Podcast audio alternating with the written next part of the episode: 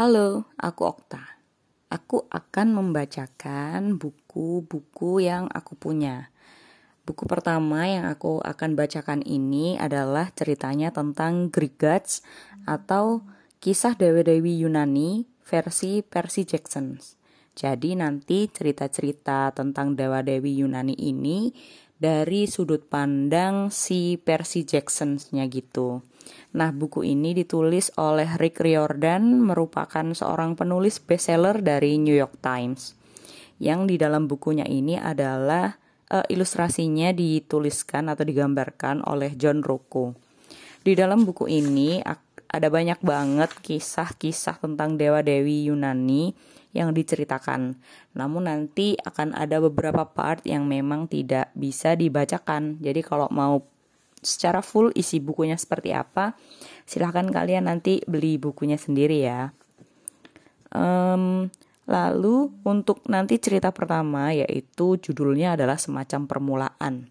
Jadi ini bacaannya nanti saya ingatkan lagi sudut pandangnya yaitu si penceritanya adalah si Percy Jackson gitu. Siapa Percy Jackson? Nah, nantikan nanti di cerita-cerita selanjutnya. Begitu. Untuk cerita yang pertama yang judulnya adalah semacam permulaan, seperti ini isinya. Mari kita dengarkan. Pada mulanya, aku belum ada. Kurasa bangsa Yunani kuno pun belum ada. Tak seorang pun memiliki pena dan kertas untuk menulis. Jadi, aku tak bisa menjamin apa yang terjadi. Tapi kupastikan inilah yang menurut orang-orang Yunani terjadi. Awalnya, yang ada hanya kekosongan. Begitu banyak kekosongan. Dewa pertama, kalau bisa dibilang begitu, adalah kaos atau chaos. Sebuah kabut gelap pekat dengan semua masa di dalam kosmos hanya mengambang di sekitarnya.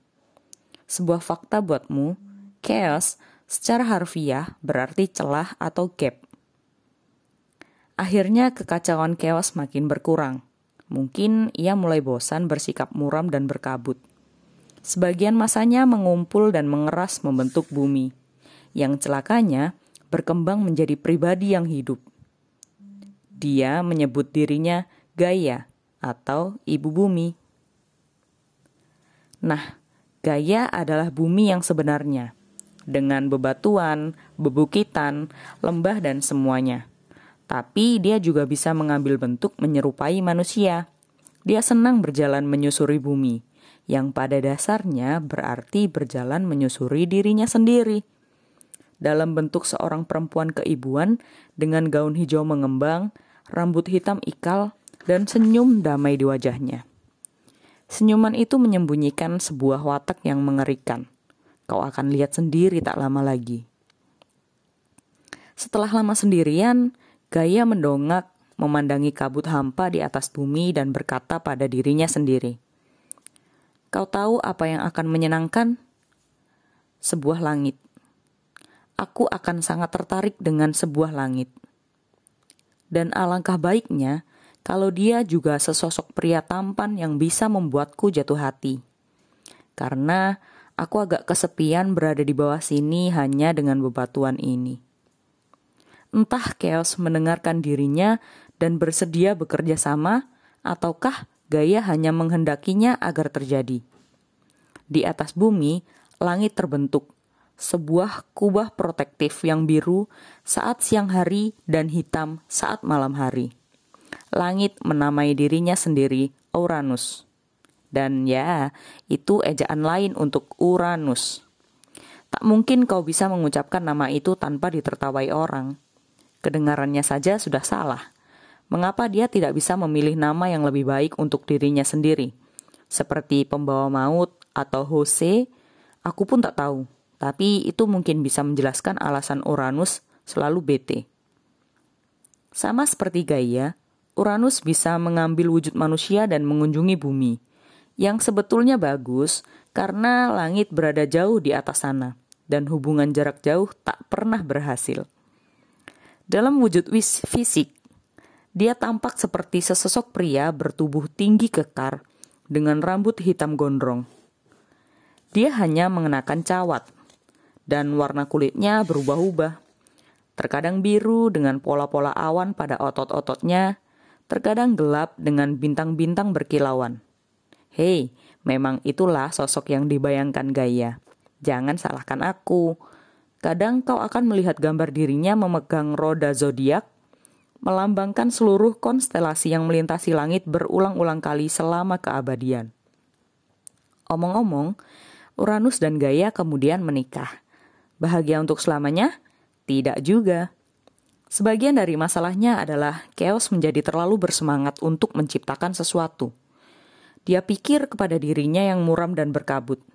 Hei bumi dan langit, tadi itu lumayan seru. Aku penasaran apalagi yang bisa kubuat. Tak lama dia menciptakan berbagai jenis masalah lain. Dan dalam hal ini, maksudku adalah dewa-dewi air terhimpun dari dalam kabut keos, mengumpul di bagian-bagian terdalam bumi dan membentuk lautan pertama yang secara alami mengembangkan sebuah kesadaran. Sang Dewa Pontus.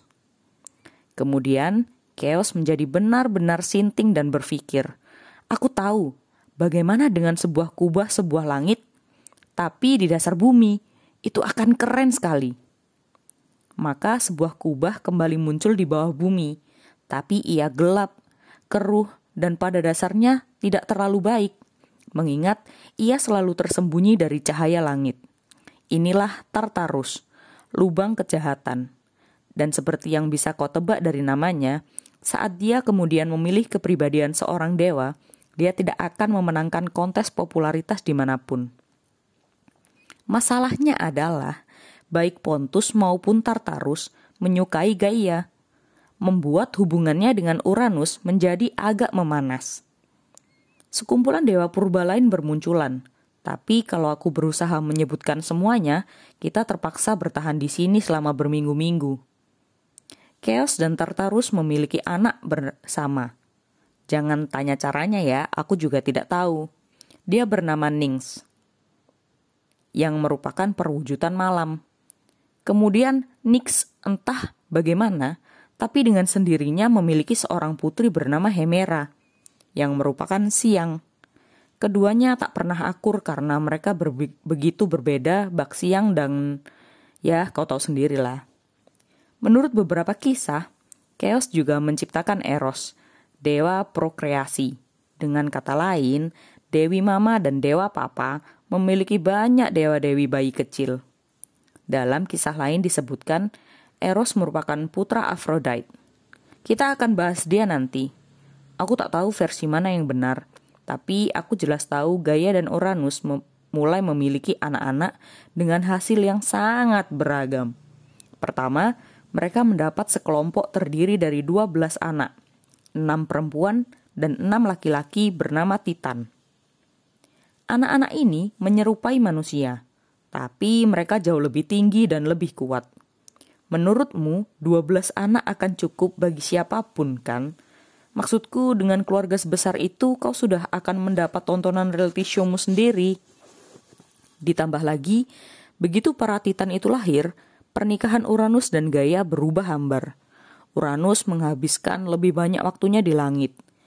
Dia tidak berkunjung. Dia tidak membantu mengurusi anak-anak. Gaya menjadi kesal. Keduanya mulai bertengkar. Begitu anak-anak beranjak besar, Uranus akan membentuk membentak mereka dan ya pokoknya bersikap seperti ayah yang buruk. Beberapa kali Gaya dan Uranus berusaha memperbaiki hubungan mereka. Gaya memutuskan barangkali jika mereka memiliki satu set anak lagi, itu akan mendekatkan hubungan mereka. Aku tahu itu ide buruk, bukan? Baiklah, itu adalah cerita sepenggal dari Gaia dan Uranus, yaitu salah satu cerita tentang dewa-dewi Yunani di buku Greek Gods uh, versi Percy Jackson ini. Untuk cerita selanjutnya, tunggu versi selanjutnya ya.